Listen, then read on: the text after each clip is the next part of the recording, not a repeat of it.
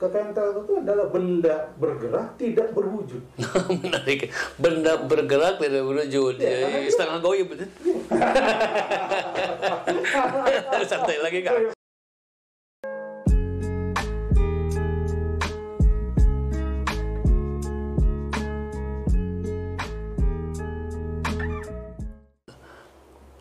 Pada dasarnya em, setiap orang yang memiliki cetusan atau kreasi dari intelektual mereka, apa yang perlu mereka pahami sebagai langkah awal misalnya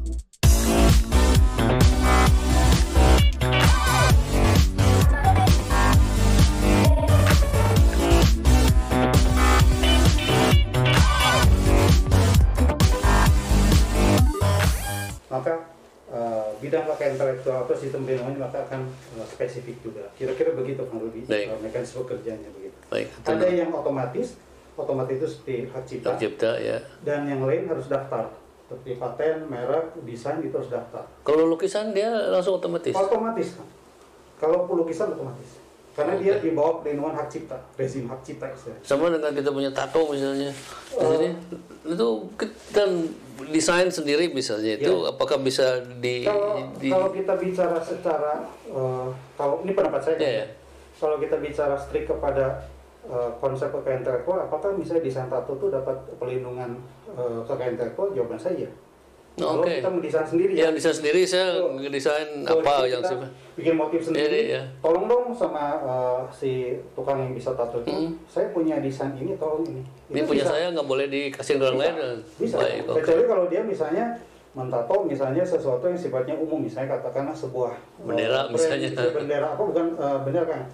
Brand motor terkenal. oke Nah itu sebetulnya ya sebetulnya men- men- mentato kan sebetulnya lebih ke arah seni ya kalau ya sekarang baik itu. ya Apa, apa mungkin kan misalnya dia digugat ya sebetulnya sih mungkin mungkin saja gitu. Tapi tidak tidak, tidak jarang terjadi kasus Iya, itu ya mungkin uh, juga pemilik brand itu sangat senang kali dianggap sebagai loyalis lah gitu ya, Loyalis, oke. produknya kira-kira begitu kan. Baik oke. Dan eh, yang dua tadi memiliki nilai ekonomi. Dan harus karena memang harus ada nilai ekonomi. Eh, setiap karya intelektual itu selalu terkandung nilai ekonomi kan. Jadi ada nilai-nilai ekonomi. Dan memang harus ada kan ya? Eh, karena dia ada unsur komoditisasi iya, itu ya. Jadi pada prinsip gini kan setiap karya intelektual itu ya. dia terkandung eh, nilai ekonomi. Oke. Ya. Jadi setiap karya intelektual itu terkandung nilai ekonomi. Hanya tinggal hanya mungkin orang jarang mengetahui saja Mhm. ya gitu ya. Nah ini kembali kepada satu apa namanya satu pemahaman bahwa kekayaan intelektual itu pada dasarnya adalah bicara tentang pelindungan aspek ekonomi sebetulnya. Nah kalau kita bicara lebih jauh lagi eh, contoh sederhana ya betul nggak ada nilai ekonomi Ya, sekarang gini aja ada seorang pelukis ketika lukisannya dijual ada orang yang menawar Mhm. gitu ya nah ketika orang menawar saja kan menunjukkan bahwa ada nilai kan Mhm. di situ ya apalagi kalau sudah kita bicara ini lukisannya sangat bagus sekali Hmm, hmm, pertanyaannya adalah kenapa lukisan misalnya Raden Saleh hmm. nilainya bisa mungkin barangkali kan bisa Miliaran, ya. mungkin bisa ratusan miliar begitu Ya. ya karena bukan soal urusan eh, materialnya kan Hmm. tapi nilai dari sebuah karya itu Hmm. yang menyebabkan dia punya eh, apa eh, sebuah sebuah apa eh, sebuah nilai, Nilai, ekonomi yang ya, makin yang tinggi, tinggi, oke. ya gitu ya karena kan kalau kita bicara eh, jadi kita tidak bisa bicara eh, saudara-saudara sekalian barangkali sini ya Kang Rudi Hmm. kita tidak bisa bicara tentang kekayaan intelektual itu dengan pendekatan eh, produk barang memproduksi sebuah barang Hmm. Kalau memproduksi sebuah barang itu contohnya ada HPP kan? Harga pokok produksi. Ya. Baik oke. Kalau pokok produksi ini berapa? Harga pokok produksi sekian. Ya. Kalau itu yang dikenakan kan maka sebuah karya intelektual tidak ada nilainya. Saya ambil contoh begini. Seorang pelukis ya. dia melukis eh, di sebuah kanvas. Hmm. pertanyaan saya berapa sih nilai sebuah kanvas? Betul. Katakanlah dua kali dua meter dua kali dua meter apakah dia akan mencapai satu juta? Kayak tulisan Katakan- Picasso bisa kecil Ya. sebesar gitu ya, misalnya. Kanvasnya saja kan? Ya ya katakanlah misalnya enggak nilainya cuma mungkin paling mahal mungkin Iya. satu juta. Lalu dia menggunakan cat minyak. Ya atau cat air. Hmm. cat minyak paling mahal berapa sih? Katakanlah cat minyak paling mahal 2 juta misalnya gitu. Hmm. lalu dia melukis. Nah kalau kita menggunakan pendekatan HPP Hmm. maka nilai lukisan itu berapa kan cuma 3 juta kan ya tapi kalau bicara kekayaan intelektual dia sudah tidak bicara tentang HPP beyond. Oke. Beyond.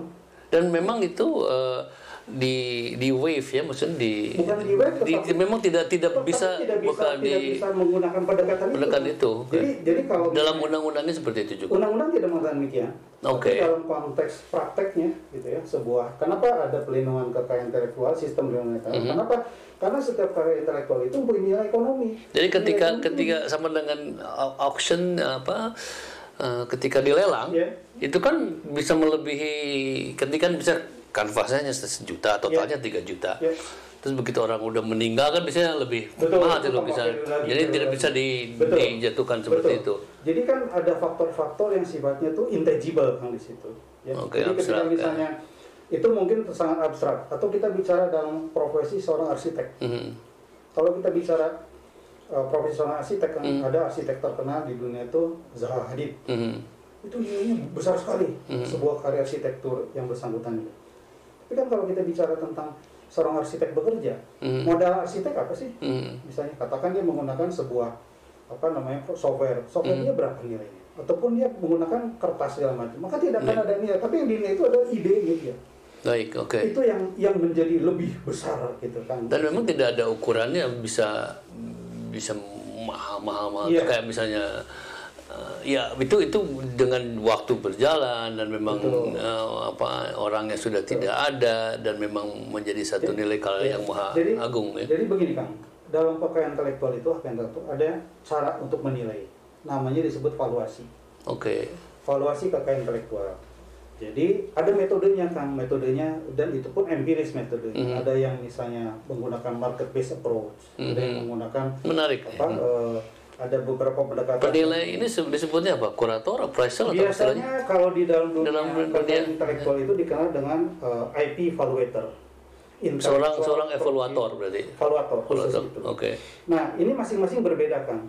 Untuk hak cipta dia berbeda, ya. Nah, untuk, menarik nih buat untuk- saya sendiri untuk juga. Teknologi berbeda, gitu ya. Dan dia bisa melakukan eh, penilaian, memvaluasi. Ini berapa sih nilainya, Hmm. gitu ya.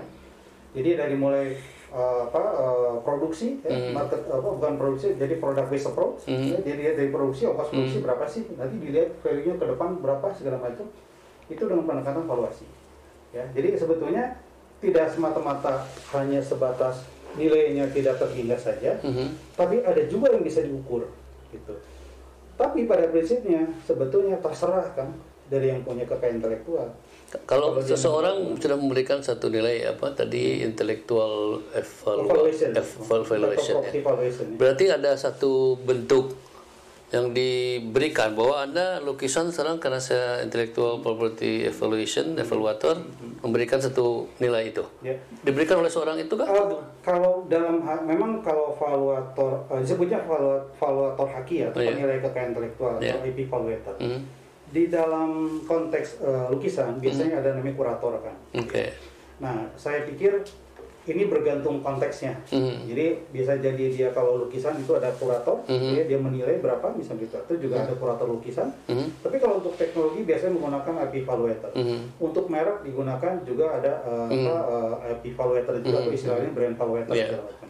Tapi prinsipnya dia bisa menilai, memberikan eh, nilai Yeah. berapa sih sebetulnya Nah, nilai itu keluar nilai itu keluar misalnya di angka 7 atau 8 Iya. misalnya. Nah, si nilai itu bisa dipegang sama si pemilik eh, chip apa pemilik si kreator itu. Iya. Nah, dan, Bisa, bisa. dan itu menjadi yang bisa diperjualbelikan dengan berdasarkan nilai itu. Iya, bisa. Jadi bisa begini, ini kan ada orang yang mau mem- apa katakan seseorang punya teknologi ya, Mhm. kalau dia paten, Mhm. Akan ditransaksikan, dikomersialisasi. Mhm. Berapa sih nilai ini teknologi ini? Mhm. Nah, itu dengan mekanisme valuasi hak kita di Mhm. atau patent valuation sebetulnya. Oke, bisa dinilai ini harganya sekian. Ya. Metodenya memang kompleks kan, Mhm. rumit ya, karena itu ada hitung-hitungan akuntansinya juga intinya begitu ya Baik. kalau untuk teknologi. Dan di Indonesia punya sistem seperti itu? Belum. Oh, belum ada. Oh, Kalau berarti ini bicara berarti nah, ini internasional sudah. Nah, Indonesia belum ada tapi bisa diadakan. bisa kalau- pada prinsipnya sebetulnya bukan diadakan tapi pada prinsipnya setiap karya intelektual itu dapat divaluasi. Ya, divaluasi Mhm. dinilai. Nah, cuma memang di Indonesia praktek itu belum terjadi kenapa? Karena belum sekompleks di luar kan. Baik, oke. Jadi di kita itu eh, kalau apa namanya eh, sistem kalau dikatakan pelindungan kekayaan intelektual itu berjalan saat Hmm. ini itu memang masih tahapnya masih terus berkembang.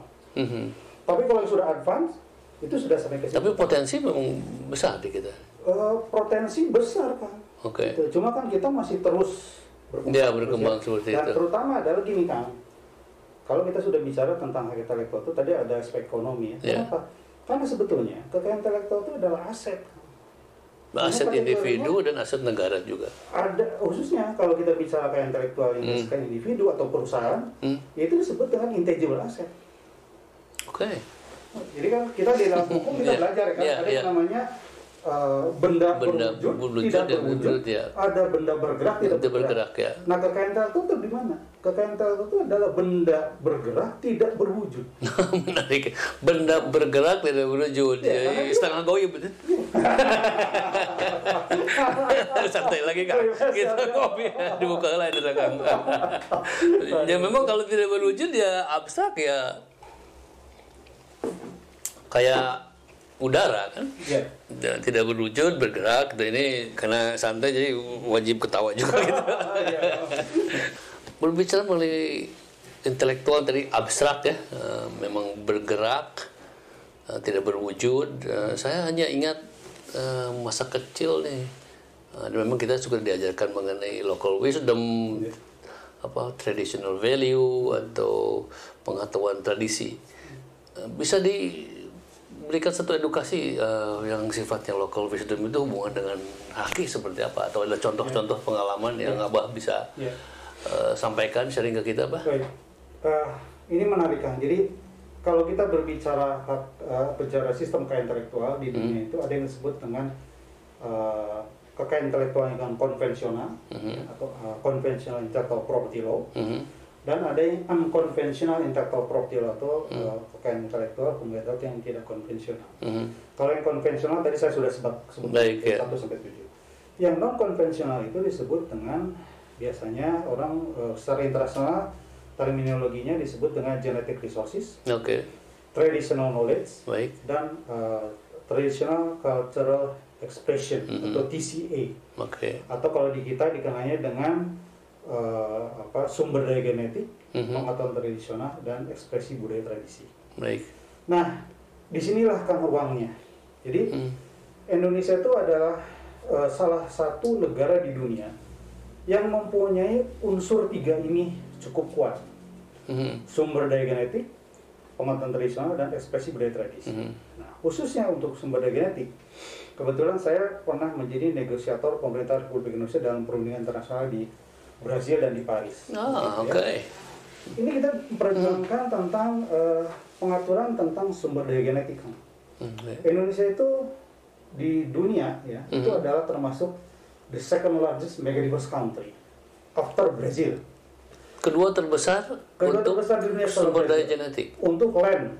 oh, oh land oke Jadi land ada land genetic resources. oke However, kalau kita include Mhm. dengan yang namanya marine genetic resources atau sumber genetik lautan, Kelautan. maka kita the biggest, the greatest in the world. wah Ya. ini berkah sekali Itu kita udah negara fakta, ya, ya. Nah, jadi saya pernah terlibat perundingan itu, Mhm. ya bahwa eh, saya memperjuangkan bagaimana Indonesia harus eh, apa mempunyai posisi. Mhm. Kenapa kan? Jadi sumber genetik itu nilainya lebih besar dari sumber daya alam sebetulnya. Karena Jadi- di dalam konteks sumber daya genetik itu ada aspek-aspek terkait juga di apa eh, eh, apa berkait dengan food security, ya, Mhm. eh, pharmaceutical dan juga terkait dengan eh, apa namanya eh, kosmetik biasanya gitu ya. oke dan itu di-